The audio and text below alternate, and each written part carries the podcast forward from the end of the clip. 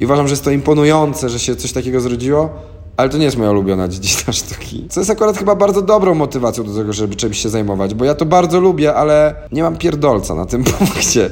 Podchodzę do tego tak poważnie, jak do czegoś, co jest elementem mojego warsztatu i mojej pracy. I, i chcę do tego podejść jak najpoważniej się da. Jezus Maria, tak nie lubię komedii.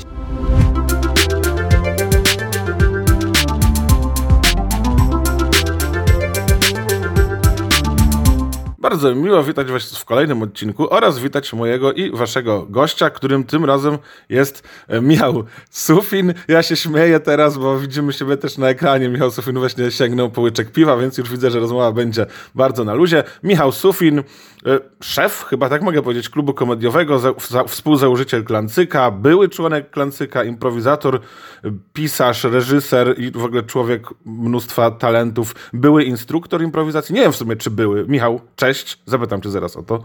Cześć. Cześć Michał. Dzień dobry. Chciałem powiedzieć, że y, piję piwo bezalkoholowe. Więc żeby, może nie będzie taka luźna ta rozmowa. E, albo będzie luźna, ale w sposób naturalny, a nie e, z, z farmakologicznie w, w, wzbudzany. Wiesz co, nie, no instruktor aktywny. Aktywny, okej, okay, dobra. No to bo, rozumiem, że e, w, ale instruktor otwartych warsztatów chyba nie. No nie, no tak, jeśli już pytamy o kwestie, czy, czy to sposobów zapisywania się, no to takich zlece, zleceniowych, to znaczy zapisywanych yy, zespołowo, a nie indywidualnie. Dlatego nie ma nigdzie takiej grupy, na którą możesz się wpisać. A, okej, okay, dobrze. To ja Właśnie żeśmy skończyli robić yy, w czerwcu warsztaty dla grupy aktorów yy, zebranych przez Teatr Warszawy z zebranych z młodych, y, świeżo ukończonych aktorów, wcześniej dla jakiegoś zespołu teatralnego. Generalnie bardzo dużo tutaj otwartych warsztatów robię, więc nie, ja dosyć dużo instruktor, du, dużo, dużo instruktorze. A, okej, okay, dobra, to ja myślałem, że nie, że, że już, ale okej, okay, najwyraźniej masz, już nie masz takich otwartych, bo jak ja się uczyłem u ciebie, bo y, to jest ważna informacja, że jesteś moim pierwszym nauczycielem improv, w sumie najważniejszym zasadniczo. Prawda jest taka, że 90% z improwizacji, co umiem i co lubię, no to mam od ciebie. Ale nie, nie, nie będziesz mi tego teraz wyrzucał. nie, no Michał, nie jest rozmowa rozliczeniowa. Jak nie, mogłeś nie. mi to zrobić?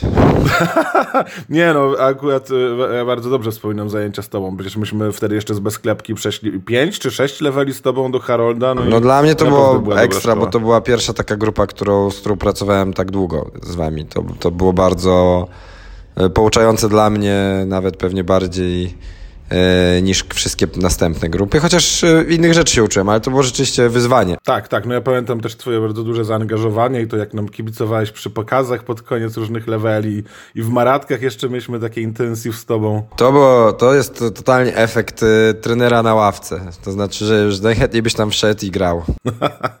tak, to czasem ja mam efekt y, widza na krzesełku, który ogląda i takie, zdarza mi się czasem, że jest taki dobry, na przykład, nie wiem, ludzie grają Armando, jest dobry mo moment, żeby wejść, żeby zmontować i ja lekko podskakuję na krześle.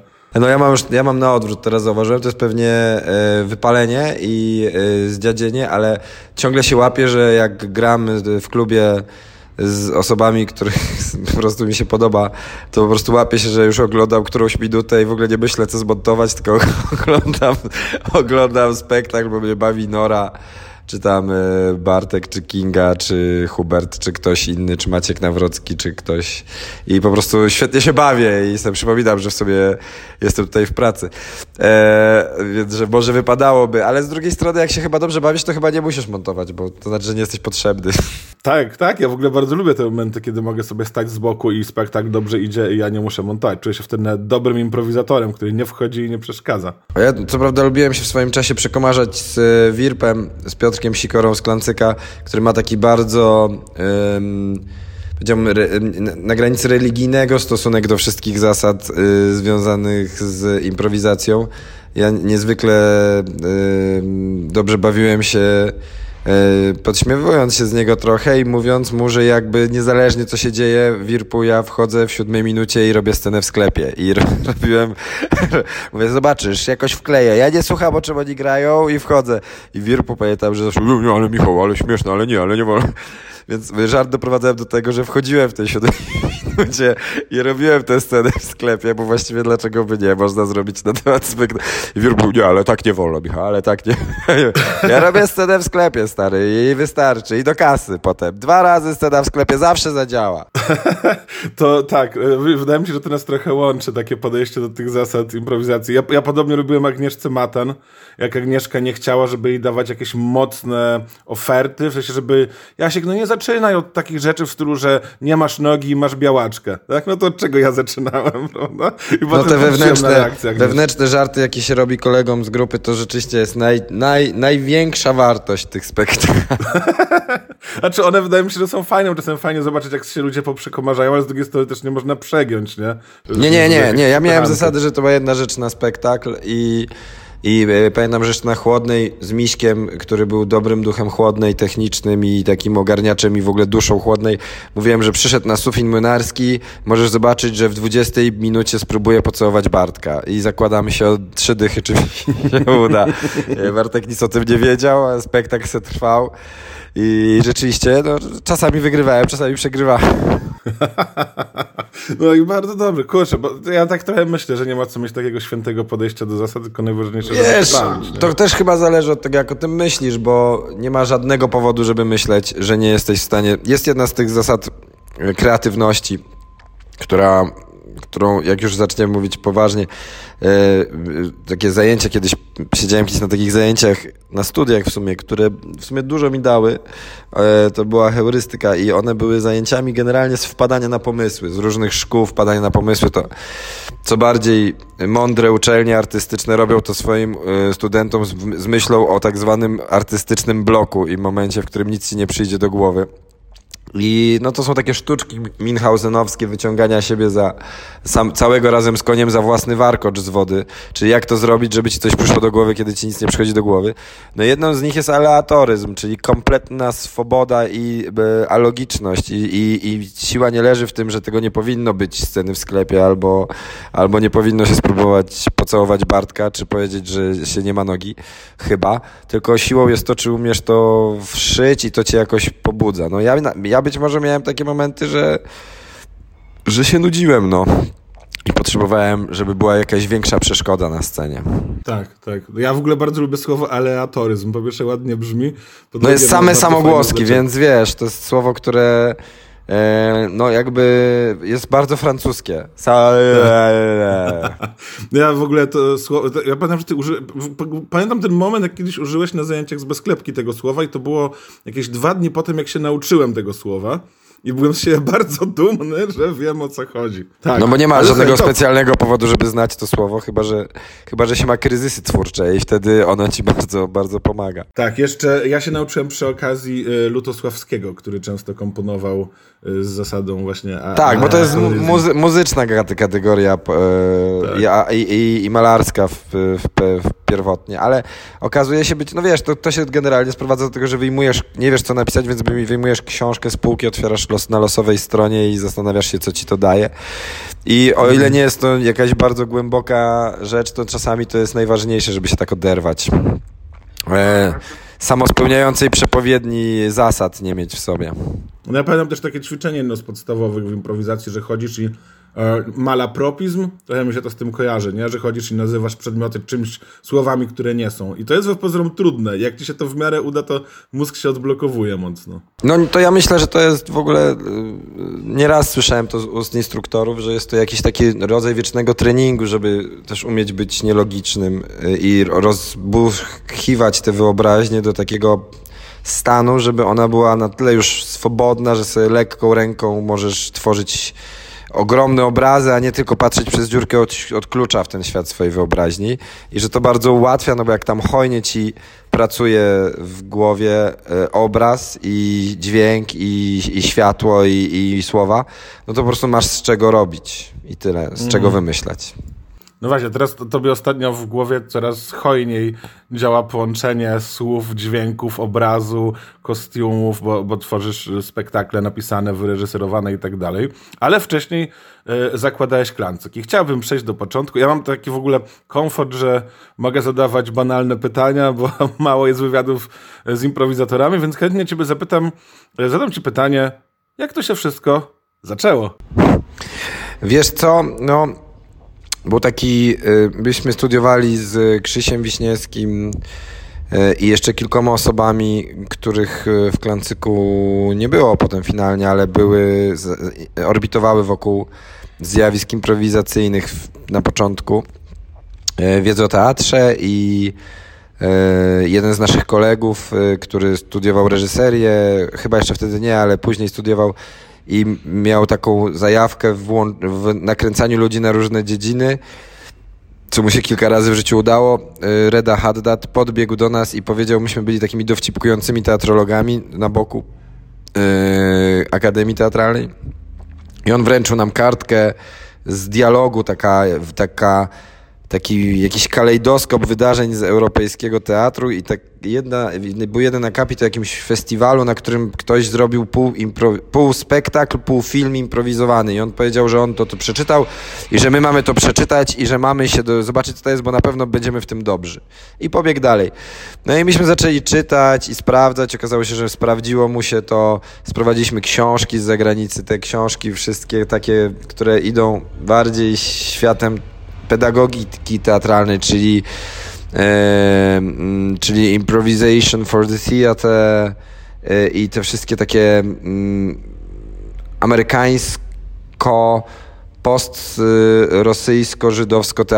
ćwiczenia E, dzieci aktorów e, e, rosyjskich, którzy przyjechali do Stanów Zjednoczonych. I no i to były takie bardziej pedagogiczne, teatralne zajęcia, które jednocześnie były już impro, to jest totalne impro, to jest Second City na tym bazowało i tak dalej. No i jednocześnie ściągnęliśmy też tego Johnstona nieszczęsnego, zaczęliśmy czytać, nigdy nie widzieliśmy spektaklu improwizowanego, a zaczęliśmy robić koło teatralne, żeby napisać o tym pracę i tam było z 15 osób, no i tak długo żeśmy improwizowali, prace roczne były, czy tam właściwie to były licencjaty. Licencjaty były strasznie nudne, ale tak yy, na tyle było to ciekawe i fajne dla osób, które to robiły. Później zrozumiałem, że to dlatego, że jest to teatr y, tekściarzy i wymyślaczy, a nie aktorów tylko. Więc y, pewnie wydział piszący musiał się dobrze na tym bawić, że że robiliśmy to tak długo, że w końcu uznaliśmy, że jest niedorzeczne, że nie występujemy. W sensie, że już trzeba było wyjść i występować, były pierwsze spektakle, kolejne osoby się odłączały, graliśmy w Galerii Rio, no i w końcu w pewnym momencie rozpadliśmy się, aż się zawiązaliśmy z powrotem, bo okazało się, że bardzo nam się to podoba i nam tego brakuje i tak powstał Klancyk. W międzyczasie tworzy, robiliśmy warsztaty i na tych warsztatach pojawili się, tak, pojawiły się takie osoby jak e, Maciej Buchwald, potem Błażej Staryszak, a wcześniej od razu do tej grupy dołączył Bartek Młynarski czy Magda Storoszczyk i jakby generalnie tam były podwaliny już pierw, po, począt, po, po, podwaliny z klan, klancyka, a potem y, ten klancyk się uformował. No ale w międzyczasie robiliśmy dużo warsztatów i ja robiłem dużo warsztatów, no bo byłem z wydziału, który właściwie uczył jak być instruktorem teatralnym, a jednocześnie robiłem to impro, więc robiłem warsztaty z improwizacji. Maciej Nowak i Justyna Sobczyk w Instytucie Teatralnym dali, nam, dali mi pierwszą pracę po studiach i tak też zaczęło się. Bardzo dużo stand-uperów przychodziło wtedy, tam był Czarek, y, Karol, Antek, y, no przychodzili ludzie, Antek chyba trochę później, ale generalnie przychodziło bardzo dużo y, ludzi, którzy chciało występować w komedii, a z braku czegokolwiek innego to mieli impro. E, nawet e, przez chwilę e, Karol był w Klancyku przez sekundę, o czym nie, niewiele osób pamięta. I generalnie tak się w sumie zaczęła też taka trochę moda na wokół chłodnej, wokół powiększenia na jakieś podwaliny pierwsze komedii wokół spektakli Klancyka. Jeszcze do tego się przyczyniło grono które wtedy było i na gronie rozchodziła się informacja o naszych spektaklach i jakoś nie mieliśmy problemu z frekwencją dzięki temu. No i wiesz, tak to się zaczęło od, pra od pracy, na, właściwie od zajawki na studiach, no. A potem okazało się, że to jest fajne. Co? Jaki to był rok? E, powiem Ci, że e, to był nasz trzeci rok studiów. Ja przyszedłem 2003, jakiś 2006. Zaczęliśmy jako ten Derast Fleischkloschen, czyli tam jeszcze minęły ze dwa lata, zanim to był Klancyk, a mnie się wydaje, że Klancyk ma jakieś 15 lat, nie? Więc e, coś takiego. No, dawno, no. Dawno i nieprawda. No ja pamiętam, ja dołączyłem jakby do tego świata improwizacji w czasach chłodnych, jak y, Klancyk. Chyba graliście raz w miesiącu we wszystkie dni weekendu, jak, jakoś tak to wyglądało po dwa spektakle. To były takie świąteczne weekendy. Y, fajne to było bardzo. Jak ty w ogóle wspominasz te czasy te chłodne, kiedy ty uczyłeś? Jakby ja, ja pamiętam, że coraz więcej, kiedy ja dołączyłem, zaczęło coraz więcej ludzi dołączać na warsztaty, że było tak coraz więcej, jakby to już się zaczynało stać gdzieś tam popularne, nie? Wiesz co, no, no w naturalny sposób, no ja to pamiętam, e, dla mnie to było formacyjne bardzo, bo tam chłodna była nie tylko miejscem improwizacji, tam się zaczął nawijak, jakby pierwsze stand-upy, tam był teatr, poznawałem tam wielu przyjaciół, który, z którymi potem coś robiłem, poznałem tam Jurka Rogiewicza, z którym siadaliśmy na śniadaniach na chłodnej i debatowaliśmy sobie, on potem napisał muzykę do trzech pierwszych spektakli moich, e, Michała Jońce, który teraz jest e, na etacie w klubie komediowym jako taki e, art director, Grzegorz Lewandowski no, przez wiele lat towarzyszył mi jako albo osoba, która coś, z którą, która coś mi pomagała zrobić, albo jak ktoś, kto jakoś mi pomagał. Właściwie poznałem tam całą Warszawę, z którą teraz współpracuję, więc Chłodna była dla mnie czymś więcej niż tylko miejscem, gdzie robiliśmy warsztaty i spektakle, ale też na pewno stała się miejscem, gdzie, żeśmy, gdzie i nawijak, i i impro, i warsztaty improwizacyjne, które potem przeszły do innych knajp, również za moją zasługą, bo powie, pamiętajmy, że udało się założyć szkołę impromi, e, udało mi się e, nakręcić powiększenie na robienie improwizacji, udało nam się wszystkim nakręcić jeszcze kilka miejsc, udało mi się dogadać z resortem, żeby działy się tam rzeczy komediowe w swoim czasie. Jakby no, to są oczywiście nieistotne rzeczy, bo te rzeczy by się i tak pewnie wydarzyły, ale pamiętam te pierwsze momenty po prostu, więc e, tak, e, ja pamiętam jak z Borkiem rozmawiałem pierwszy raz jako ziomek e, Grzesia, a Borek, szef powiększenia i planu B, już wtedy legenda takiego zawiadywania sztuką miejską, muzyką zwłaszcza. Jak usłyszał, że ma zrobić coś zabawnego w powiększeniu, to myślałem, że no w ogóle, w ogóle nie rozumiał o co chodzi, znaczy miał bekę, bo jakby dla niego to, że coś jest śmieszne już miało taką, taki rodzaj narzuconej złej sławy, która nie kojarzyła się z tą taką niezależnością, independentem piwnicznym, który surowością kontrkulturową dla niego jak coś nie było, wiesz, no mogliby się zgodzić może na performance fizyczny z okładaniem się krwawiącymi kotletami przez e, e sadomasochistyczne grupy teatralne e, w lateksie, no bo to byłoby dostatecznie punkowe. Ten, zresztą ten przymiotnik punkowy, który jest moim zdaniem dosyć nieszczę nieszczęsny dla nas w tej chwili i nas zbija w nisze wszystkie te niezależne działania, ale, ale jednak wtedy miał on y, ważny wymiar, teraz się moim zdaniem zdezawuował. No jakby udało się w ogóle zainteresować Warszawę, która była obrażonym trochę miejscem i wszyscy byli lekko chłodni i, i trochę zblazowani, zainteresować e, taką błyskotliwością, która z, z improwizacji czasami płynie. Bo to chyba błyskotliwość była tą charyzmatycznym walorem, który przyciągał ludzi. No tak, no wyście też w ogóle jako klancyk mieli mocną charyzmę. A powiedz mi właśnie, jak powstawała szkoła impro, ja to pamiętam tak, może, może źle pamiętam, bo teraz będziesz mógł mi wyprostować pamięć, żeście wrócili z Chicago i, i ty założyłeś ogłosiłeś nabór na taką grupę, gdzie się będziemy uczyć Harolda, nie? Tam le w levelach. Bo wcześniej to wyglądało tak, że były głównie jakieś gry. Pamiętam, że tak sobie myślałem, że jak będę długo chodził na zajęcia do Michała, to kiedyś zacznę grać taką scenę, że się będzie montowało. I potem wywróciliście e, z Chicago, założyłeś tę grupę, ale okazało się, że jest za dużo chętnych, więc musiały powstać dwie grupy. I potem z czasem było coraz więcej i więcej, w końcu szkoła impro powstała. Wiesz co, no my po prostu żeśmy ściągnęli yy, pewien rodzaj y, modelu działania. Dlatego, że on się okazał być tak wszechobecny i oczywisty w Chicago, a mieliśmy dosyć duże zainteresowanie w Polsce, że no, to nawet nie było jakieś ściągnąć, znaczy inaczej, ściągnąć to można coś, co jest kreatywnym pomysłem. Myśmy się po prostu powtórzyli ich podejście, nie? To znaczy, e, rzeczywiście szybko zrozumieliśmy, jak sensownie ułożone są ćwiczenia i jak sensownie ułożone są tematy. Jeszcze wtedy nawet nie do końca rozumiejąc wszystko, rozumiejąc swój cykl treningowy, ale nie rozumiejąc, ile można mieć podejść, po prostu ja postanowiłem robić ten warsztat zgodnie z notatkami, które stamtąd przywiozłem. I w ciągu pół roku okazało się, że miałem 7 grup tygodniowo, czy tam 6. i z czego robiłem pięć, więc już totalnie robiłem bokami i, zaraz, i nadchodziły następne i koledzy zaczęli robić. Tam zdaje się, że Paweł, Piotrek, no wszyscy, cały klancyk zaczął robić.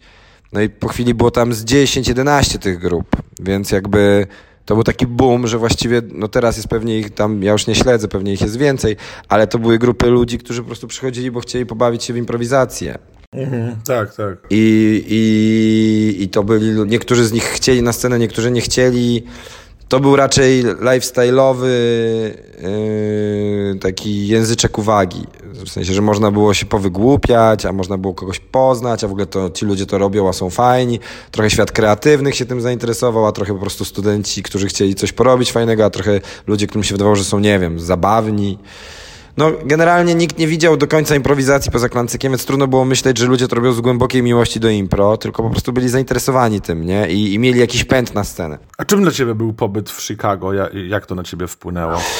No kurde, ja miałem przez długie lata w klancyku taką intuicję, że my moglibyśmy robić rzeczy bardziej teatralne, dramatyczne, może mniej e, nie to, że mniej śmieszne albo że mniej lekkie, ale bardziej skonstruowane, bardziej fabularne. Pamiętaj, że myśmy z Bartkiem zagrali te dwuosobowe sceny pierwsi jeszcze przed wyjazdem do Chicago, e, żeśmy zagrali, że będziemy coś tam grać. O ile dobrze pamiętam. Może coś kłamie teraz, ale wydaje mi się, że żeśmy zagrali, na pewno zagraliśmy pierwszy spektakl, który składał się w całości z dwuosobowych scen na chłodnej ale wydaje mi się, że to było przed Chicago, bo pamiętam, że mi się to potwierdziło. I nagle pojechałem do świata, myślę, że wszyscy to mieliśmy, w którym po prostu to impro zostało wy, wywinięte na nicę w każdą stronę i było taką masową rozrywką, czyli jakby na drugą stronę lustra. Więc z jednej strony bardzo podziwiałem tych, którzy po prostu odnaleźli styl wewnątrz czegoś, co było szerokim gatunkiem, a myśmy uważali, że to jest już to. Zrozumiałem, jak bardzo my wszyscy się też różnimy w patrzeniu na to i jak ten, ale też poczułem, jak bardzo Amerykanie mają kiepski teatr. I to impro jakoś było jakimś takim rodzajem anty od, od trutki na to, jak, bo też widzieliśmy tam teatr i oni mają bardzo słaby ten teatr, w sensie nie chcę, e, grają zwykle po dwóch, trzech latach e, treningu, nie mają te, tej całej estymy artystycznej, teatralnej. I jakby dzięki temu są świetni we wszystkim innym, co jest performatywne, czyli w stand-upie, w, w slamie, w mowach i w improwizacji. I tak poczułem, że impro z jednej strony może mieć bardzo różne formy, poczułem, że jest jakieś takie ekstremalnie y, uwagogenne i łapiące uwagę, że w ogóle jest totalnie fast foodem synaps, synapsowym fast foodem, a z drugiej strony, że też jest bardzo amerykańskie. To znaczy, że pewne rzeczy, które są tam, są super, bo są, wydarzają się i są świetnie robione, ale są bardzo ich. Dużo bardziej niż y, nasze. Chociaż pewnie bardziej nasze teraz niż, nie wiem, gdybyśmy to oglądali 100 lat temu, bo teraz wszystko się miesza i wszyscy wszystko znają i te historyjki są artystyczne są wymieszane. Ale miałem takie poczucie, że coś jest bardzo amerykańskiego w tej improwizacji. Tak, no to prawda. I rzeczywiście mocno się zmieniło, bo teraz już byśmy nie czuli się tak bardzo przytłoczeni tym wszystkim, nie? Tylko znaczy, no... wiesz co, powiem ci tak. Ja byłem w Chicago chyba pięć razy. Cztery, pięć razy, o ile się nie mylę. Yy, I za każdym razem scena improwizowana podobała mi się mniej. E, z czego to wynika? No na pewno jest ten, ta siła, onieśmielająca siła tej siły rażenia, acz też chyba było tak, że myśmy z Klancykiem, jak wszyscy mówili, trafili w bardzo dobry moment. To zawsze są gorsze lub lepsze momenty. Nie to, że w najlepszy, ale w dobry moment. Tuż przed przeniesieniem IO do nowej siedziby. I tam byli, tam był County Social Club, TJ Dave w super formie, e, w super formie Royal Shakespeare, znaczy ten Improvised Shakespeare. E, generalnie dużo takiej improwizacji, która dla mnie akurat była super, bo County pokazywał, jak robić impro z impro z impro i w ogóle co to znaczy improwizowany slapstick i improv, improwiz... Impro, dużo improv, impro. TJ Dave robili dokładnie to, co ja marzyłem e, intuicyjnie i nieudolnie próbowaliśmy z Klancykiem, nie mając wiary do końca, że tak się da, zrealizować, czyli fabularny, co mi się chyba najbardziej udaje zrobić z Bartkiem na scenie, bo mamy te same założenia, że trochę grać film, jakiś dziwny film. Improvised Shakespeare to jest po prostu klasa, którą da się porównać tylko z brytyjskim e, Whose Line Is It Anyway, kiedy oni w Whose Line brytyjskim potrafią grać w conducted story, czyli w tą historię, w te, no w historię z umieraniem powiedzmy, jakąś wersję tego naszego, tej, yy, yy, tej, tego ćwiczenia jako Conan Doyle i jako James Joyce i jako Królowa Brytyjska i to jest po prostu imponujące na poziomie sztuczki, to znaczy to jest stylistycznie sztos. I Improvised Shakespeare jest stylistycznym sztosem. Myśmy byli na wyjeździe z ludźmi z grupy Mayday z Londynu, takimi bardzo też teatralnie osadzonymi ludźmi. I oni zeszli i powiedzieli, to jest lepsza improwizacja szekspirowska niż w Anglii. I nawet dodatkowo jeszcze amerykański akcent mniej się zmienił od tamtego czasu, od staroangielskiego akcentu niż współczesny brytyjski. To nawet brzmi bardziej jak Szekspir. Już nie mówię, że tu wszystko jest tak jak trzeba. No i to było imponujące, bo to była super zabawa i super gra i jednocześnie było to bezpretensjonalne i jednocześnie mega inteligentne. Więc chyba trafi... już później nie miałem takich odkryć. Na kolejnych wyjazdach rzeczy były tylko równie dobre lub gorsze. Powiedziałeś w ogóle o sztuczce. Mi się wydaje, że czasem tak sobie myślę o improwizacji, że w ogóle improwizacja sama w sobie jest trochę sztuczką. Dlatego często ludzie się tym jarają, bardzo chodzą, chodzą, chodzą, po czasie przestają. Bo to jest trochę. Wiesz co, ono to, zależy... to jest niesamowite, nie? Że ludzie potrafią zaimprowizować coś i wow, jak oni to zrobili. A potem już wiesz, że to się da zrobić i, i wolisz po jakimś czasie, nie wiem, napisane rzeczy. Jest pewnie tak, że jest w tym taki wymiar cyrku, ale jest też pewnie wymiar cyrku we wszystkich e, takich e, wykonawczych sztukach, te, które się mocują z brakiem praw autorskich teraz, tak? Znaczy muszą udowodnić, że są dziełem, bo po prostu musisz umieć coś zrobić na zawołanie, a nie, a nie inaczej. I to też jest coś z, z cyrku. Ja rozumiem, że też sztuczka polega na tym, że, że ty mówisz o tym, że sztuczka polega też na tym, że udajemy, że coś jest napisane, a nie jest. To znaczy, że sztuczka polega na tym, że uda nam się to skończyć. Eee, albo podtrzymywać wrażenie, że to wszystko ma sens. Ale myślę, że to też zależy, co z tym zrobisz. To znaczy, jeżeli chcesz, żeby twój, twoja improwizacja opowiadała sama sobą, że walor jest w tym, że to jest sztuczka, no to tak będzie. A jak nie chcesz, żeby to robiła, to ludzie nie zwrócą na to aż takiej uwagi, Myśmy to odkryli w klubie komediowym jakieś 3 lata temu, kiedy zrozumieliśmy, że, że jest coś w improwizatorach takiego, że to jest lęk przed dojrzałością, żeby przestać opowiadać o tym, że spektakle są improwizowane, a zacząć opowiadać o tym, o czym one są. E, dlatego, że widzowie mają to gdzieś. Oczywiście robi to na nich wrażenie, czasami nawet nie wiedząc, tak jak robi na nich wrażenie prestidigitator, który wyciąga kartę im z ucha. Ale w pewnym sensie każda sztuka próbuje ten efekt wow osiągnąć, takie, nawet efekt wow Natomiast yy, natomiast mnie się zdaje, że jakby to powiedzieć, że, yy, że Bukowski nie opowiada o maszynie do pisania, na której wow, napisał to na maszynie do pisania i ta maszyna jest z metalu i, i, i musicie to zobaczyć, bo ja uderzam palcami w klawisze i podczas gdy improwizatorzy tak robią, więc my zaczęliśmy nawet um, pomijać niekiedy informacje o tym, że spektakl jest improwizowany. To często jest o, o, określane jednym zdaniem. A czasami jest tak jak na przykład z Miłością na Asapie, improwizowanym serialem z założeniami, no jakby eksperymentować z tą formą, no bo celem jest de facto, żeby spektakl podobał się nam i im i żeby był tym, czym chcemy, żeby był, a i tak nigdy nie jest do końca. Więc zrozumieliśmy, że widownie ciekawi bardziej o czym będzie, nas od, nas od pewnego momentu też zaczęło bardzo też ciekawić, o czym będzie, a nie tylko jak jest zrobiony. Ale na pewno to, jak jest zrobiony, to jest mega ważny temat, tylko bardziej wewnętrzny, no.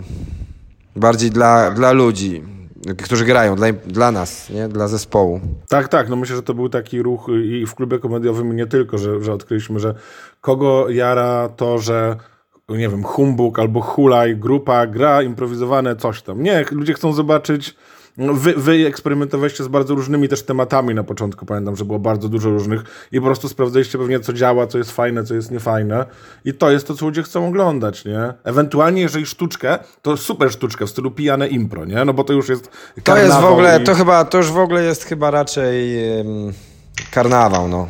To znaczy pijane impro to jest y, karnawał. To znaczy my do tego podchodzimy, że staramy się zrobić to jak najlepiej, oczywiście, ale, ale wiemy, że jest to, że poluzowujemy tutaj pasy bezpieczeństwa i nie impro jest bohaterem wieczoru, tylko właśnie improwizator, który da radę albo nie da rady. I, i też taki rodzaj biesiady, no, to znaczy ja nie mam nic przeciwko biesiadzie, jest, jest e, jeśli wiesz do czego jej używasz. Nawijak tak, jest no, w pewnym nawijak. sensie, Dokładnie. jest też w pewnym sensie ukłonem w stronę kultury toastu i integracji, więc y, też jesteśmy klubem komediowym, mamy bar, no nie ma co udawać.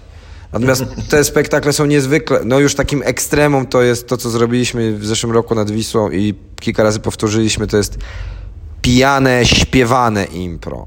To jest... Y, to jest coś, czego powinien się bać każdy organizator wesel. No, w sensie to jest gruby wieczór. I czy Ale ty ludzie. Śpiewałeś? No, wiesz co, tak, tak. Re z gasem zaśpiewałem chyba raz. Słuchaj, Markowska powiedziała, że to. E, no widzisz, możesz śpiewać, więc uważam to za najwyższy. najwyższy, najwyższy komplement. Nie, no ja, dość, ja uważam, że śpiewanie jest w ogóle dla każdego w improwizacji, tylko wymaga treningu, a ja mam za mało czasu, żeby trenować, dlatego nie, nie niszczę ludziom mózgów, e, bo uważam, że trening jest podstawą e, w improwizacji, tak jak próby są w podstawą w e, nieimprowizowanych spektaklach ale nie, nie, nie czuję, żebym nie mógł śpiewać, tylko po prostu to trzeba podejść poważnie do tematu. Więc jak tylko znajdę czas na to, żeby tygodniami trenować, chociaż nie wiem, ze dwa, trzy razy w tygodniu mieć próbę, no to wtedy chętnie. Wróćmy sobie do chronologicznej opowieści. Y, była chłodna, chłodna zaczęła trochę ulegać rozkładowi i końcowi i jak to się stało, że klub komediowy powstał? Wiesz co, no, że no, klub komediowy Chłodna był, nie? To znaczy przyszedł Grześ i powiedział do mnie, że Chłodna straciła koncesję i że on nie chce zamykać i że zapytał Walczaka i zapytał, nie, zapytał Rafała Rutkowskiego. Ja robię dużo tych spektakli tutaj, czy bym nie chciał razem z nimi we trzech, a potem do tego doszedł Walczak jeszcze we czterech yy, przetestować tego. I my akurat wtedy wróciliśmy z, z Ameryki, a trochę ten temat zaczął się jeszcze przed wyjazdem, więc tak jakby nasz wyjazd mega we mnie wzbudził poczucie, że to jest dobry kierunek, ale też ogrom tego przedsięwzięcia. Ja jakby nie miałem wątpliwości, że to trzeba zrobić z kimś, kto. Po pierwsze, ludzie nas nie znają, więc to, to jeszcze nie ten czas, żeby to był po prostu impro klub. A po drugie, musi ktoś też to ogarnąć. A chłodna też była naszym domem, więc tak trochę chcieliśmy spłacić chłodnej ten dług, bo, bo, bo to tonęła po prostu. No i przez ostatni rok chłodnej, no to chłodna była klubem komediowym chłodna. A jak się już zaczęło, no to później już było łatwo, bo trzeba było tylko znaleźć lokal. Kępa go wychodził, zdaje się, bo urzędniczka mu podpowiedziała, gdzie ma pójść. Z, z Asią żeśmy go zobaczyli ja Grzegorza wybłagałem, żeby jakby nadał temu, znaczy nie trzeba było go wybłagiwać, no po prostu Grzegorz pomógł nam, nadając naszemu działaniu kontynuację merytoryczną, jakby świadcząc, że jest to merytoryczna kontynuacja klubu komediowego Chłodna i Chłodnej w dużej większości. Bartelski nam dał lokal stowarzyszeniu, które już mieliśmy wtedy i którego byłem prezesem, no i tak się zaczęło, nie? I kto był na początku... Y nie wiem jak to powiedzieć, władzami, to nie jest dobre słowo. to nie, no to jakby, to nie, to łatwo to powiedzieć. No niby stowarzyszenie tym administrowało, ale kilka osób pożyczyło pieniądze swoje i zaczęło dbać o to, żeby to się działo. I to od początku było tak, że była Asia, Józek i Szulcz. Józek i Szulcz to są tacy cisi partnerzy wszystkich naszych projektów, którzy mają y, inne beczki, cuda na kiju y, i są takimi bardzo fajnymi gastronomami Mówisz Asia, ja powiem, bo ja wiem jaka Asia. Powiem Asia Pawluśkiewicz, Pawluśkiewicz Joanna. Pawluśkiewicz. No i Bartek został pierwszym menedżerem klubu Mynarski i to tak jechało. No. Na początku nie było koncesji, nie było nic. nie było, było Fritz, Fritz Kola i Hitler Jugendfanta, tylko na, na, na półkach i, i wyglądało na to, że splajtujemy, ale żeśmy tam półtora roku walczyli o koncesję na wino, jak lwy. No, tam przedłużyli nam umowę. No jakoś to się tam wszystko rozkręciło, ludzie zaczęli przychodzić. Na początku nie mieliśmy swoich produkcji, tylko po prostu były grupy, które występowały. Potem się okazało, że splajtujemy, więc grupy musiały odpalać pieniądze jakieś z biletów. Potem się okazało, że splajtujemy, więc y, grupy musiały odpalać większe pieniądze. Potem się okazało, że splajtujemy, więc mu musieliśmy w, odpalić dużo więcej komercyjnych współprac. No i potem się okazało, że splajtujemy, więc przyjęliśmy propozycje kilku reklam, które no, były takie jak to polskie reklamy średniawe. I, i ym, szefem dwójki został Maciej Chmiel, który jest byłym ym, menadżerem dezertera na przykład, czy tam armii. Y, jest y, dziennikarzem kulturalnym od wielu lat i E, siedział u nas na widowni, przyszedł i powiedział, słyszałem, że plajtujecie, bo jest też przyjacielem, jakimś dalekim znajomym mojej, e, jak się później okazało, dziewczyny i, i znajomym znajomych, w ogóle takim człowiekiem blisko artystów żyjących i powiedział, no ja, ja będę robił dwójkę, ja bym chciał w takim razie zekranizować te wasze spektakle, co tutaj do tej pory były i wam za to zapłacę, to nie splajtujecie. No i, i jakby kiedy leżą na no nie, nie, nie, mieliśmy żadnych wątpliwości, żeby to zrobić.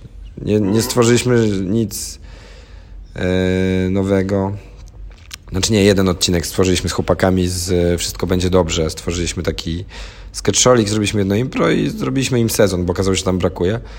No i on uratował nam klub, bo po tym nagle zaczęło żreć. To znaczy dostaliśmy koncesję pełną, dostaliśmy zaczęliśmy. No też trzeba powiedzieć, że myśmy zrobili to z TVP i um, jakaś tam jedna trzecia artystów powiedziała z Asią. Z, znaczy, to jest tak, że myśmy może nie w jakimś e, trudnym tonie, ale rozumiejąc sytuację, mieliśmy różnice zdania. Asia uważała, że nie powinniśmy tego robić, wszyscy pozostali uważali, że powinniśmy to robić, więc Asia wtedy odeszła. Powiedziała, że chętnie będzie grać, ale jakby nie chce, nie, nie woli być, yy, wolałaby yy, upaść niż to zrobić. No i wtedy tam jedna trzecia osób przeszła i założyła resort, bo trzeba powiedzieć też, że w klubie było z jakichś 80 artystów i zaczynało być ciasno. Yy, różne były opinie na temat tego, co robić i jak działać. I myślę, że w naturalny sposób wypoczkowały dwa miejsca po prostu. No właśnie, też cię chciałem zapytać, jak z twojej perspektywy powstanie resortu komedii wyglądało, jak, jak ty na to patrzyłeś wtedy i teraz? Wiesz co, no uważam, że nic lepszego się nie mogło stać.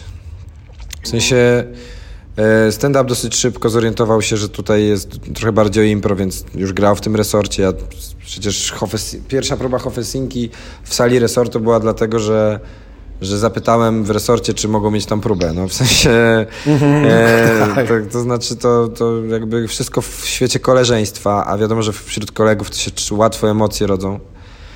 Natomiast, y, a, było za dużo, znaczy dla klubu komediowego, jak i dla resortu zakładam, no bo resort powstał, więc dla niego bardzo dobrze. Dla klubu bardzo dobrze, bo zespół stał się bardzo mobilny, Wytworzyliśmy wtedy jakąś jedną trzecią repertuaru, który do dzisiaj hula, a zaczęliśmy działać e, jako miejsce, które produkuje swój repertuar, a nie jest tylko impresaryjne, znaczy nie tylko... W... Zaczęliśmy koncepcyjnie myśleć o tym, czym jesteśmy.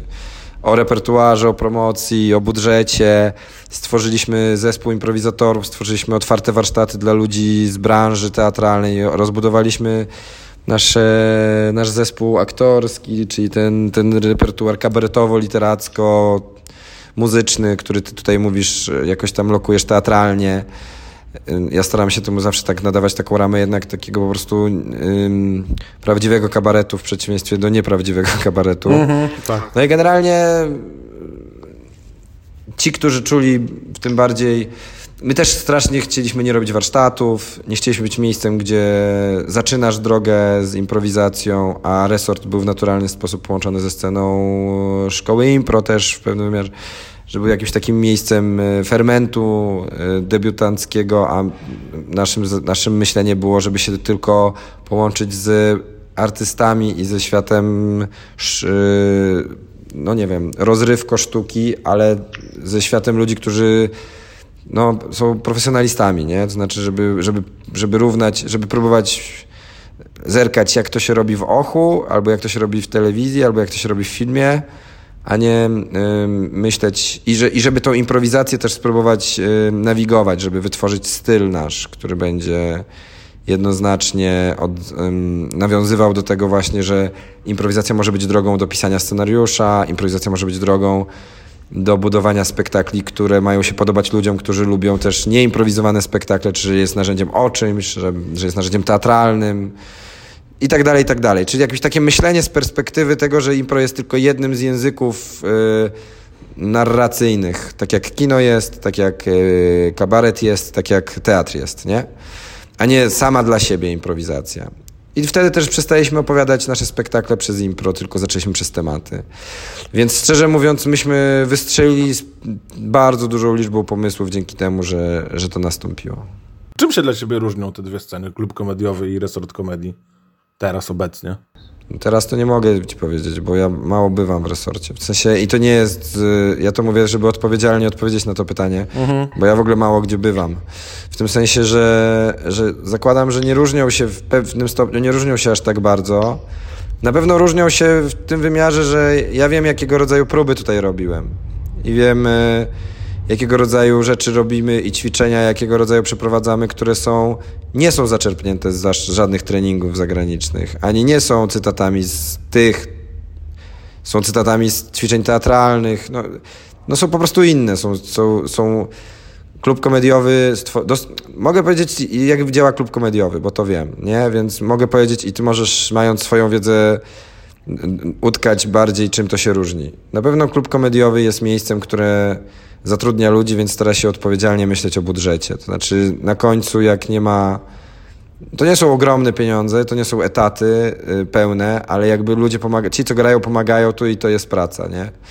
Więc na pewno staramy się to jakoś tam zabezpieczać budżetowo, co narzuca na nas pewien rygor, nie zawsze wolności. I to jest jakiś tam minus. Druga rzecz jest taka, że mamy zespół. Yy, dosyć szybko doszliśmy do wniosku, że podpatrując ogromnych e, antreprenerów światowych, że impro to jest w sumie i impro i, i teatr. To jest taka sytuacja, a na pewno kabaret, że ci ludzie się spotkali dlatego, że lubią razem wymyślać pomysły i, i, i wpadać, wpadać na pomysły albo wymyślać rzeczy. Więc tak naprawdę są działem kreatywnym. Więc dosyć szybko zaczęliśmy rządzić klubem poprzez burzę mózgów i dział kreatywny, czyli rozwiązywać w dziwny albo zaskakujący sposób problemy, czy to była krzywa rura, czy to były problemy z drinkami, czy to, był, e, czy to była kwestia repertuaru, czy, czy promocji. I okazało się, że mieliśmy 3-4 razy w tygodniu takie spotkania kreatywne, no, w których było z 10 takich osób, które jednocześnie w klubie pracowały, ale tak się składało, że to byli sami improwizatorzy, więc, e, więc nadawali się do tej ekipy. Następnym etapem było to, żeby zacząć, no bo jakby ja pisałem z Błażejem, z, potem z Mateuszem, z Norą, z, teraz z Michałem Jońcą, spektakle do klubu, żebyśmy mieli też coś, co jest takim e, wypowiedzią klubu, a nie tylko e, a nie tylko improwizacją, która jest oczywiście wypowiedzią, ale jakby taką trochę nie wiadomo jaką.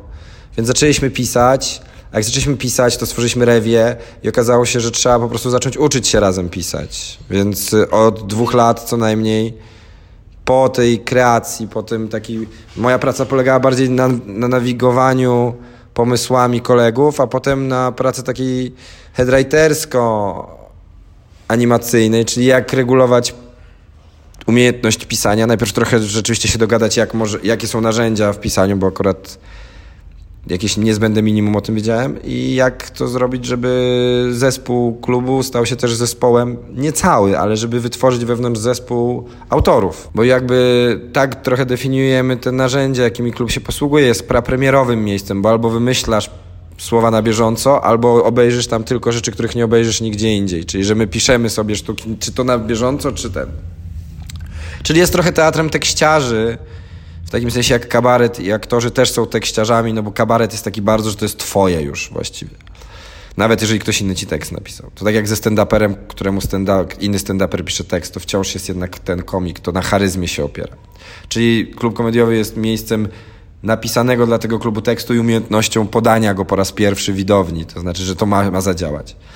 No i potem się okazało, że my możemy nie tylko zarabiać robiąc jakieś eventy firmowe, robiąc warsztaty dla aktorów w różnych teatrach albo zapraszając aktorów do siebie, żeby zobaczyli na czym polega improwizacja, a to jest bardzo trudne pracować z aktorami nad improwizacją, bo cały ich warsztat przeciwdziała i trzeba się nauczyć to robić i zupełnie inaczej pracuje się z ludźmi, którzy po prostu przychodzą z korpo, a zupełnie inaczej przychodzi, pracuje się z ludźmi i po prostu trzeba inaczej pracować z nimi. No na końcu okazało się, że możemy też obsługiwać zapytania takie think tankowe, że wymyślać ludziom pomysły kreatywne i to się okazało też być jakąś takim filarem do tego, żeby coś zarobić, a na końcu się okazało, że możemy też obsługiwać zapytania scenariuszowe i napisaliśmy kilka scenariuszy.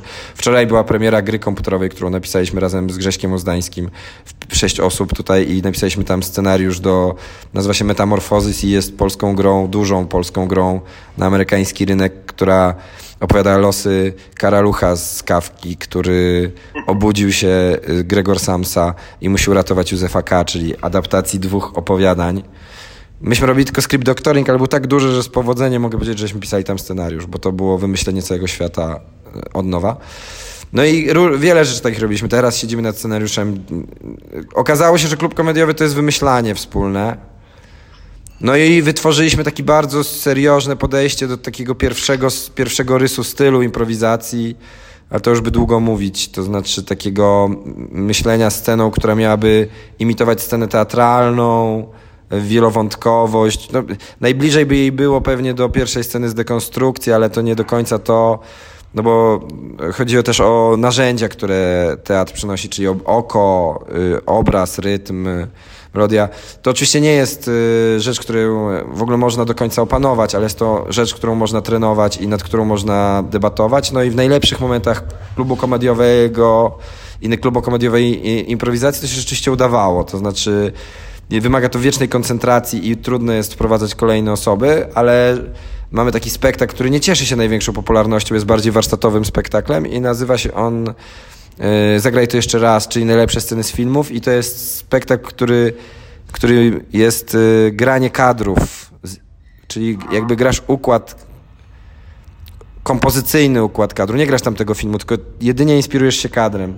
I to jest najbardziej teatralny, poza takimi duetami, które wiadomo, że łatwiej mają e, w teatralności filmowo-teatralny, powiedzmy, format klub komedii, czyli fabularny, najbardziej fabularny, bo impro jest często nie jest spektaklem fabularnym, tylko jest spektaklem o rozmowie, w której padają fajne pomysły.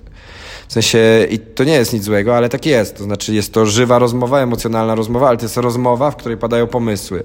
A fabuła to są bohaterowie, którzy czegoś chcą i się ze sobą spotykają. Więc w tym sensie i też można robić e, scenę o bohaterach, którzy się spotkają i czegoś chcą, ale robić kiepską fabułę, bo po prostu robić fabułę, ale robić kiepską. Więc myśmy dużo o tym rozmawiali. Więc z jednej strony stworzyliśmy zespół, który starał się kreatywnie rozwiązywać problemy, korzystać z tych naszych e, umiejętności burzy, burzy mózgów. Nauczy, uczyliśmy się razem pisać i uczyliśmy się e, improwizacji, która miała mieć charakter komedio, e, teatralno-komediowy i fabularny. I to już sprawiało, że jest to trochę in, inaczej, nie? To znaczy, nie wiem, czy inaczej niż w resorcie, ale inaczej niż było na pewno. No i czwarta rzecz to, żeśmy wytwarzali własny repertuar, który, którym eksperymentowaliśmy, ile powinno być improwizacji, jakiej, na ile zaplanowanej, na ile przygotowanej. Tak stworzyły się spektakle z Kamilem Wyszkowskim, który przychodził i grał nam e, do raportów NZ, znaczy serwował nam raporty NZ-owskie, a myśmy do tego grali i te raporty NZ-owskie to były takie, wiesz, dosyć smutne rzeczy, bo to były takie prezentacje w stylu e, podwyższenie temperatury, e, kryzys wodny za 100 lat, wojna na Bliskim Wschodzie, migracje głodowe, e, depopulacja ziemi, syndrom gotującej się żaby w garnku. Następny slajd poproszę, nie?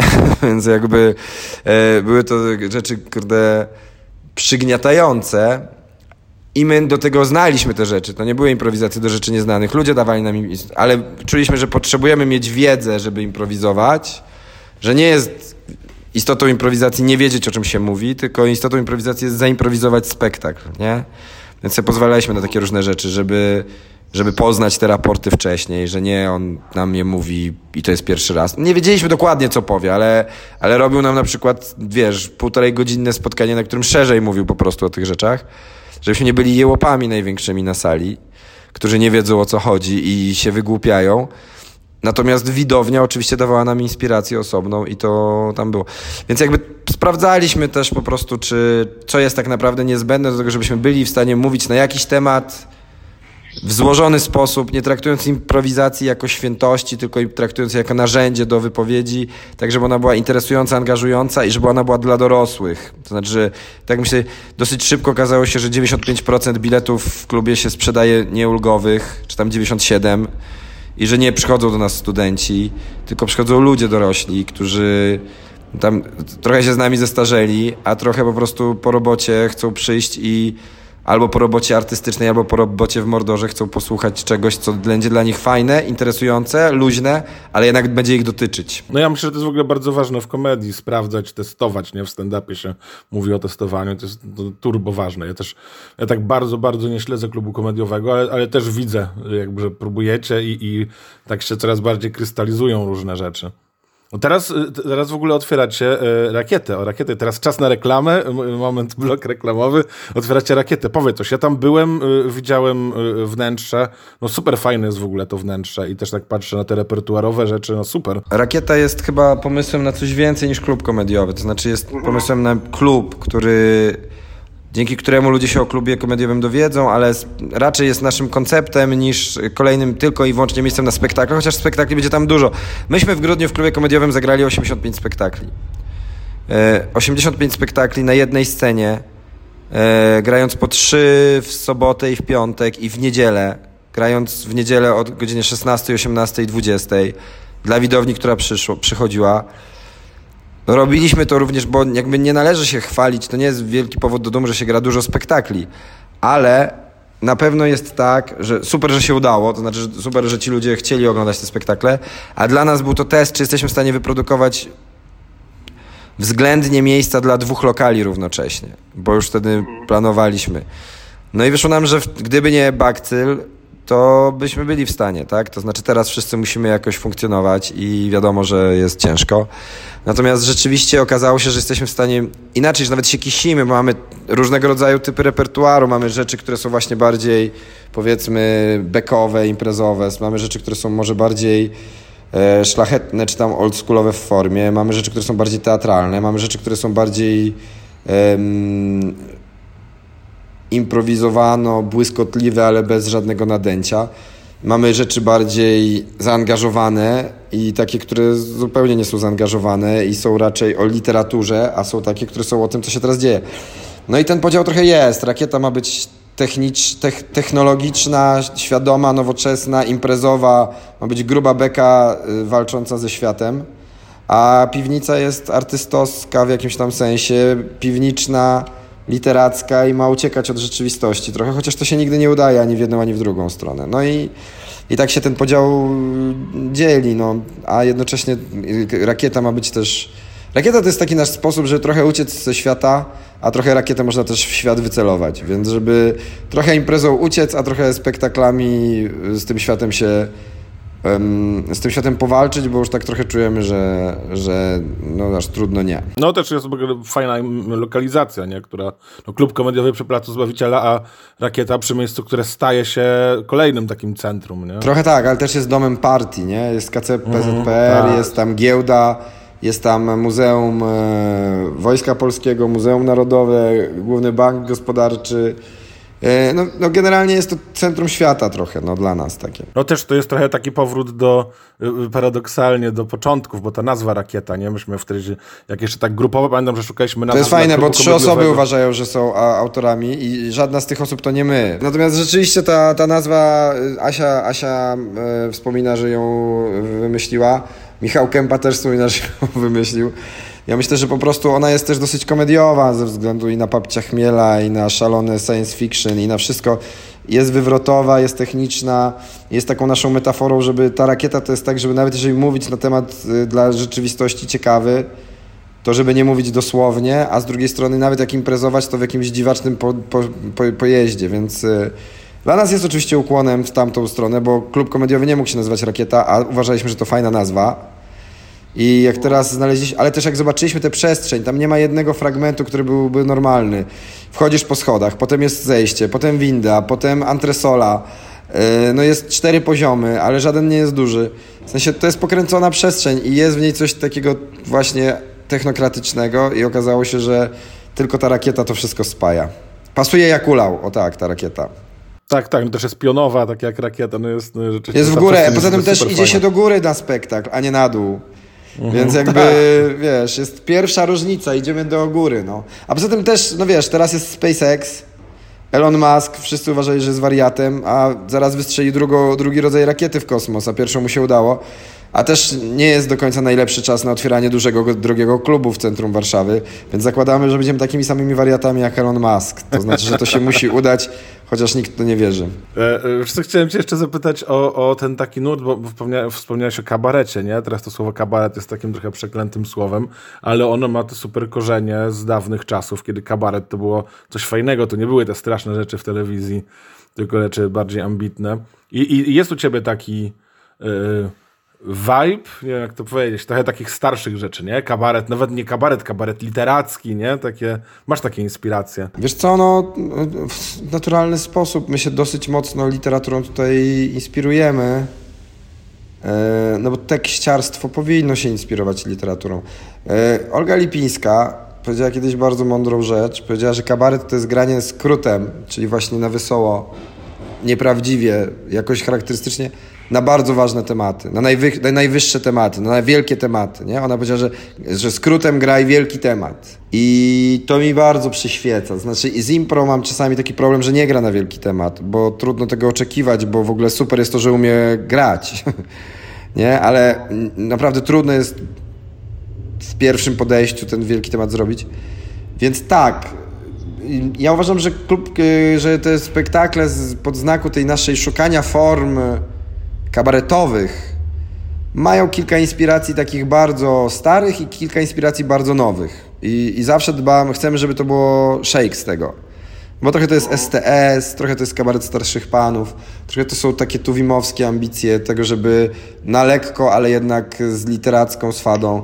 E, trochę to jest salon niezależnych, Jacek Klejw, który przychodził i mówił, że Jacek Fedorowicz, yy, no, ludzie, którzy dla mnie byli formacyjni, przychodzili tutaj i zachwycali się tym, co robimy e, bardziej niż, niż by wypadało. To było dla nas takie super, że, że jakby, no wiesz, że, że udawało się, Dudek też był taką referencją, no, że, że pewnego rodzaju nitka takiego opowiadania o świecie w kabaretowym skrócie, a jednocześnie w takim cudzysłowie literackim i teatralnym trochę zniknęła i muzycznym. Mumio było czymś takim. Mumio było przez, przy całym swoim surrealizmie było jednak mocno teatralne, dlatego nazywało się najpierw tak. Teatr EPTA. Ale z drugiej strony boimy się tego i od, po pierwszym spektaklu, który był bardzo taki w kołnierzyku, zawsze szukamy tej takiej formy, która by miała to wywrócić, żeby nie grać po prostu tamtego. Stąd jest Paweł Szamburski, komponuje muzę, stąd y, Kobas Laksa robi y, kolaże do ósemki, stąd Bartek Weber z Mitch and Mitch robi elektroniczną muzykę i ma wymyślać, że zawsze staramy się temu narzucić jakiś taki rys, żeby to było jednak współczesne w formie, ale jednocześnie nie dzisiejsze. No i po, i po trzecie, że to jednak jest o bardzo o realiach, znaczy to tam jest bardzo dużo o, o tu i teraz w tych spektaklach, acz no nie może być wprost.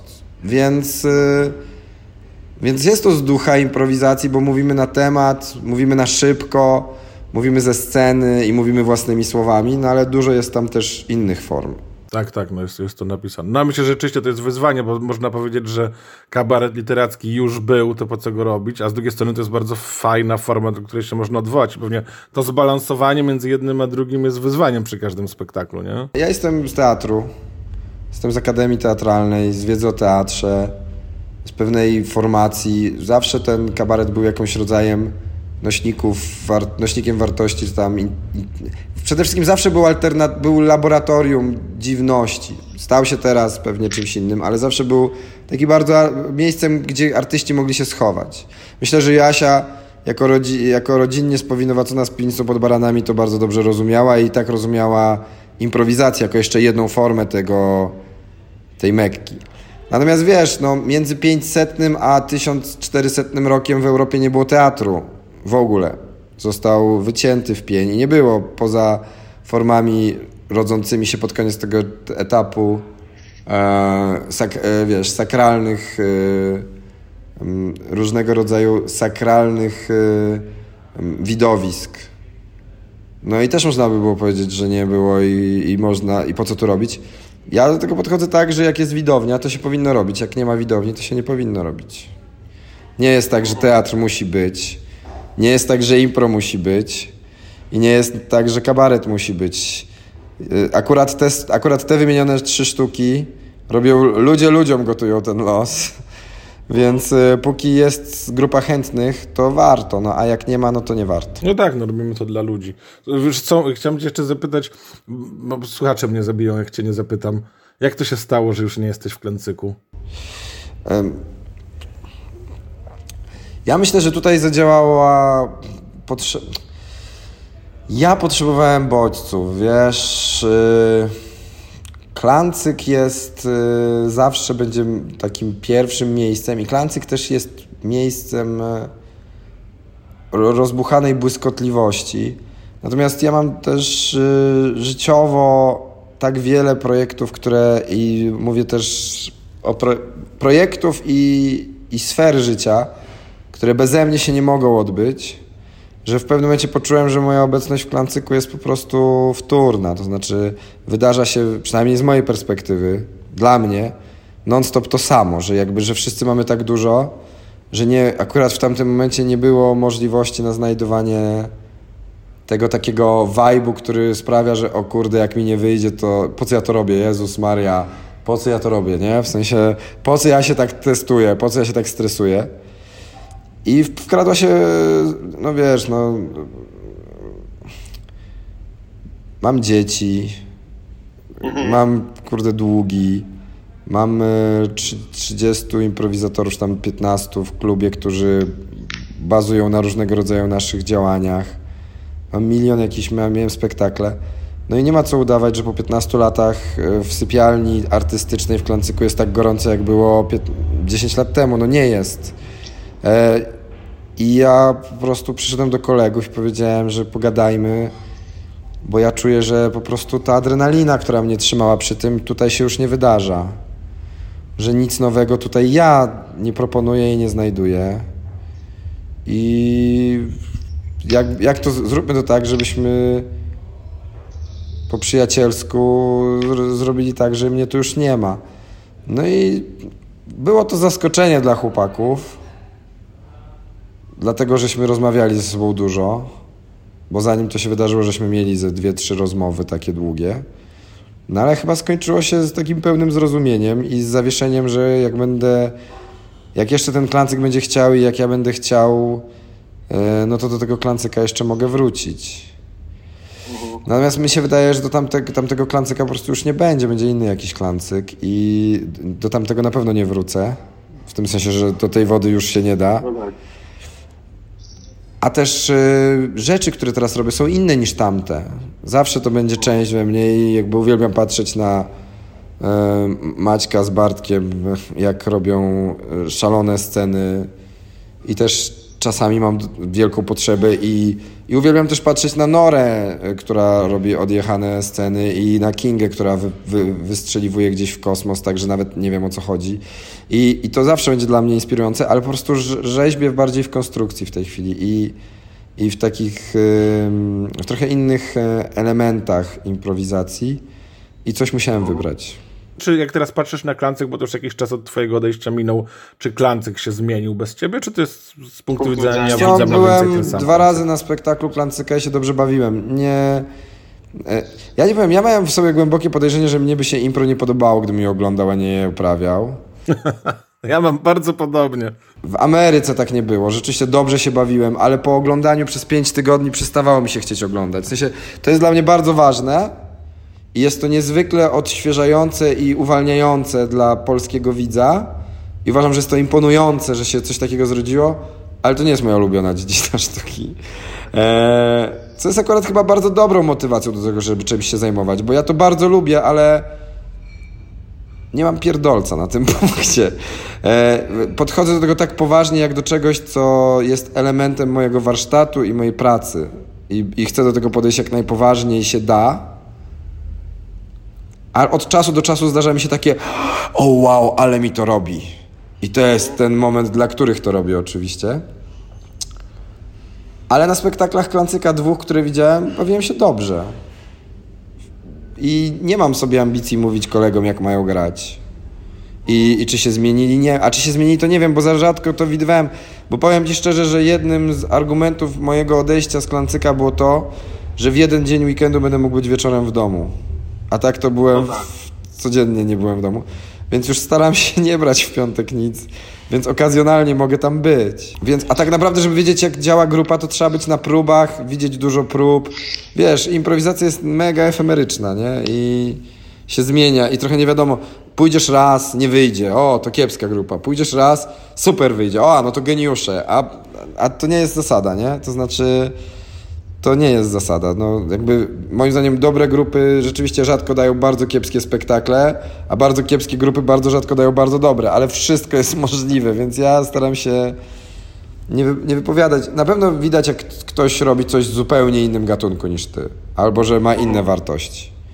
A ja w Klancyku byłem tak długo, że nigdy to nie będzie coś zupełnie innego niż ja, no bo przesiąkłem tym wszystkim, co przesiąkłem wyobraźnią Klancyka i na pewno zawsze to będzie element z jakiejś, wiesz, mojej głowy. Powiedziałeś też o tych osobach, które cię inspirują, na które lubisz patrzeć, o Norze, y, Kindze, Hubercie. Powiedz, skąd, skąd w ogóle y, się wziął ten zespół? Improwi no, to jakby podcast jest o improwizacji, jest głównie o improwizatorach. Słuchaj, no y, to jest... Y, Humbug to była grupa, która była po was. Mhm, po bezklepki. Tak, tam był Kempa, Kosik, Nora, Hubert. Eee, wiesz, tam było. Sławek Sztejmec jeszcze tam był chyba. Sławek Sztejmec, tak, który jest w ogóle totalnie się jarałem, jak widziałem go na scenie. I akurat to był taki żywy dowód, że można się totalnie cieszyć z tego, co robią e, ludzie, z którymi, których uczyłeś niby, no bo trzeba gdzieś zdobyć szlify ale totalnie imponuje ci to, jak się rozwinęli niektórzy z nich, nie? I, mhm. I, i, i, też są inne osoby w klubie, które mi imponuje, jak wiele rzeczy robi Mateusz Lewandowski w klubie, dla którego była to trudna droga, bo droga od bycia aktorem ale niewiele osób wie, że Mateusz rysuje, albo długo nie wiedzieli, że Mateusz napisał w sumie najbardziej popularny spektakl, jeden z bardziej popularnych spektakli, czyli Tajemnice Beletrysty tutaj, że Mateusz obsługuje bardzo dużo zapytań tam w rewi, że bardzo dużo bierze na siebie tak po kapitańsku w zespole i jakby gra we wszystkim. I, I też jak dużo zmienił swojej improwizacji, jak ją uniejednoznacznił, a jednocześnie jest tak jak Bartek Magdziarz, taki on, no, mało kogo znam z ludzi, którzy bardzo tak poważnie podchodzą do swojego zawodu, a jednocześnie tak świetnie potrafią myśleć o puencie. Są tak dobrymi tekściarzami, a są aktorami. I, I piszą bardzo dużo w klubie. Właściwie dwie rewie, które żeśmy napisali, no to myślę, że oni z Płochą to napisali połowę we trzech, nie? Więc, y, a to miało być dziewięć osób piszących, więc y, tak. Także Mateusz Płocha, Lewy i Magdziarz to są tacy wiodący tekściarze w klubie komediowym, więc mnie to mega impro, imponuje to, co robią. Właściwie wszyscy, no. Janek jak odpalił, yy, Agnieszka z dziwnymi swoimi postaciami, jak, no właściwie wszyscy, którzy tutaj grają. Maciek Nawrocki, który przyszedł po prostu i jako jedyny aktor profesjonalny w Polsce przeszedł całą szkołę impro i przyszedł do klubu z totalnie otwartą głową, z ciekawą. Wiesz, no po prostu naprawdę dużo osób tutaj jest dla mnie ciekawych. To też e, taki, nie wiem, czy zbieg okoliczności, czy, czy, czy w sumie nie, że z tej grupy twojej, którą prowadziłeś z Humbuka, tyle osób do tej pory jeszcze, tak? Bo często ludzie odchodzą z tego... Oni się chyba sami, oni się tak złapali, wiesz? To znaczy, że oni się złapali... Ja, my z Bartkiem mówiliśmy dużo, że dla nas Humbuk to jest taki mały klancyk. To znaczy, że że jakby wiele grup tworzyło się dlatego, że interesowało ich dużo rzeczy, ale niekoniecznie musiało być to to samo poczucie humoru. Bo jakby jak kogoś uczysz, jak ma improwizować, to nie musisz go uczyć poczucia humoru, tylko musisz go uczyć, jak improwizować, a to, co go bawi, to jest jego sprawa. A Humbug mieliśmy tak, że Humbug to była grupa, chyba nawet bardziej niż Klancyk, powiem, na której spektakle ja chodziłem, bo mnie to bawiło. W sensie, bo Klancyk to moi, to ja wiem i tak na każdej próbie to widziałem, a Humbug to ja, myśmy siedzieli z Bartkiem, że, bo tak idziesz, a nie, bo Humbug gra, no to chodź sobie zobaczymy. Bo to jest naprawdę śmieszne. W sensie, że to byli najśmieszniejsi ludzie i oni też ze sobą złapali ten z Maćkiem Adamczykiem, z Kępą, e, ta ekipa nasza, e, złapali taki rodzaj jakiejś takiego łobuzerskiej komedii, takiej, nas, takiej, że ma być śmieszna, że nam to bardzo imponowało, bo ja uważam, że w ogóle robienie komedii zakłada, że ma być śmiesznie, no. W sensie, e, jakby nie chcę tutaj prawić ludziom morałów, ale robienie komedii bez uwzględnienia zasady, że ma być śmiesznie, jest błędne, no. W sensie, to nie jest robienie komedii, no. no nie, nie zapytam cię o nazwiska ani przykłady, ale, ale rozumiem, że, że widzisz takie zjawisko komedii, która nie ma być śmieszna, tak? Bo ja, ja trochę widzę i trochę mi to przeszkadza. Ja, ja uważam, że po prostu improwizacja ma dużą niebezpieczeństwo wpadania w, psycho, w chęć bycia psychodramą. Że jeżeli ktoś nie do końca zgrabnie podchodzi do warsztatu teatralnego, to nawet nie zauważy, kiedy robi coś, co jest psychodramą a psychodrama jest spoko, ale dla ciebie, a nie dla widza. A nigdy nie widziałem spektaklu improwizowanego, który chce nie być śmieszny, co jest dla mnie okay, ale by coś wnosił. Znaczy widziałem spektakle, które były na przykład z ironicznymi pastiszami. To było zabawne, ale nie bekowe, powiedzmy. Widziałem spektakle, które zarąbiście bawiły się gatunkiem i to było fajna zabawa, że się uśmiechałeś w czterech miejscach. Ale zawsze te rzeczy, które widziałem, które były fajne, to była igraszka, jakiś rodzaj błyskotliwości, która uruchamia śmiech w tobie. Różnego rodzaju śmiech, ale śmiech. A nigdy nie widziałem spektaklu improwizowanego, tak zwanego impro, które było nieśmieszne i wydawało mi się, że było dobre. Czy mi się wydaje, czy wyczułem w twoim tonie y, y, niechęć do słowa impro? Nie, nie. Chodzi mi o to, że to jest y, impro nie, nie, nie, nie, nie mam. Raczej chodzi o to, że to po prostu jest, przez to można określić yy, środowisko, które, nasze środowisko, no bo różni ludzie improwizują, nie? A ja mam na myśli te nasze środowisko, no bo może, nie wiem, scenariusz dla trzech aktorów w wykonaniu Peszka, Frycza i Grabowskiego jest spektaklem teatralnym, który jest niezwykle improwizowany, no ale to nie jest impro, nie? W sensie to nie jest, nie, nie jest ten gatunek, podgatunek. Więc tylko chodziło mi o to, żeby było jasne, o czym ja mówię, nie? W sensie, że mówię okay. o tym, nie? Ale nie, nie, ja już dawno nie jestem, ja nie jestem dawno obrażony na... Ja, każdy się pewnie trochę obraża na impro na jakimś etapie, ale ja nie jestem obrażony na impro. Każdy się obraża, ale ty nie jesteś? Na tym etapie, nie? W sensie, że uważam, że każdy ma taki etap, ja już to mam za sobą chyba. Mhm. Na czym polegał ten etap obrażenia się na impro? No wiesz, że ja miałem takie... Inaczej, ja miałem głębokie przekonanie, że impro samo w sobie jest... Yy nieżywotne, że nie będzie ci sprawiać przyjemności przez całe życie, że jest super drogą do czegoś. Zostajesz scenarzystą, reżyserem, aktorem, komikiem, producentem, yy, recenzentem, autorem, czymkolwiek, ale nie będziesz całe życie improwizował. To nieliczne osoby potrafią w sobie wzbudzać chyba ten rodzaj adrenaliny z przerwami może. Więc ja miałem zmęczenie improwizacją, kiedy wychodziło się pięć razy, czy tam siedem razy w tygodniu i, i, trzeba było się tym cieszyć i mieć tą adrenalinę, co za pierwszym razem. Trudno jest pilnować tego, żeby być oryginalnym, żeby trzymać zasad się i żeby w ogóle być obecnym mentalnie, więc y, mam, mam, mam za sobą taki kryzys. No ale jakoś tak spróbowałem go rozwiązać sobie i chyba go rozwiązałem. No, trzeba było trochę mniej grać i zrozumieć, do czego improwizacja służy i sobie na to odpowiedzieć jakoś, do czego mi służy. No dobrze, myślę, że czas nam się kończy, więc na koniec zróbmy taki kącik, który zawsze jest. Prosiłbym cię o polecenie trzech komediowych rzeczy. Mówię rzeczy specjalnie, bo to może być cokolwiek, jaka, jakakolwiek forma. Jezus Maria, ja tak nie lubię komedii. Wiesz co... Yy... Mnie niezwykle bawi. Ja bym w książki poszedł. Mnie niezwykle bawi. Znaczy, wiesz, jeżeli ktoś by po tej rozmowie jako jedną, jako jedną z rzeczy podam cały, całą pulę, ale ktoś by zajrzał do tych oldschoolowych, yy, oldschoolowych referencji, które ja tu wymieniłem, nawet nie to, że mają mu się mega mega aktywne być, ale żeby zobaczył jako kontekst, to byłoby ekstra, gdyby ktoś zajrzał do, nie wiem, kabaretu starszych panów albo przesłuchał salon niezależnych, to było super. Ja nie, nie uważam, że trzeba oglądać rzeczy nowe. E, tym bardziej, że niedawno trafiłem, ktoś opowiedział mi żart, który kiedy usłyszałem, zdałem sobie sprawę, że jest najdłużej działającym kawałem na ulicy, jaki słyszałem, bo ktoś go naprawdę opowiedział jako żart, a jest to kawał, który napisał Tuwim, myślę, że w okolicach lat dwudziestych i brzmi on, skąd się biorą dzieci z, z zaniedbanej ciąży. I, I jest to żart okrutny i obrzydliwy, ale jest to żart, który powstał 100 lat temu. I ktoś go opowiadał. Więc, e, więc tak. Drugą rzeczą, którą, która na mnie niezwykle zadziałała komediowo ostatnio, to jest. Ja sobie wymyśl, znalazłem sposób, żeby mnie uruchamiało coś, bo otworzyliśmy czytelenkę i poprosiliśmy autorów, żeby, yy, żeby polecili nam książki, które uważają, że powinny być w czytelni klubu komediowego.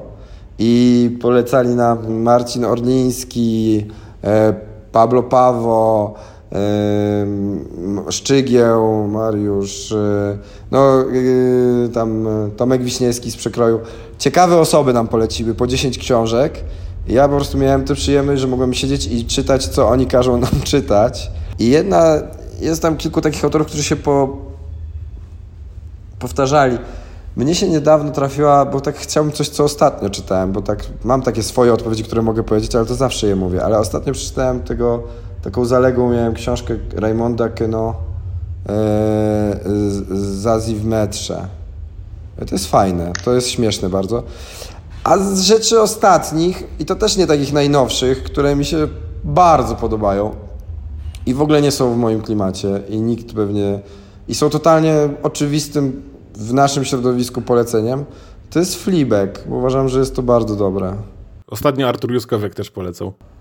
No właśnie, i ja mam tak, że, niech to będzie dowód, że też oglądam hipsterskie rzeczy. e, ale, ale jest to bardzo dobre, bo jest to bardzo śmieszne i jest to bardzo smutne zarazem. Ale jest śmieszne, a nie jest tylko smutne. No dobra, Michał, to w takim razie bardzo Ci dziękuję za rozmowę. Była bardzo ciekawa. Bardzo mi miło, że się zgodziłeś, że udało nam się w końcu znaleźć czas, bo chwilę to trwało, aż znaleźliśmy wspólny termin. Wakacje, COVID, wiesz, no ile można. Dziękuję bardzo, a Was, drodzy słuchacze, zapraszam do obserwowania na Instagramie, do lajkowania na Facebooku i do usłyszenia w kolejnym odcinku.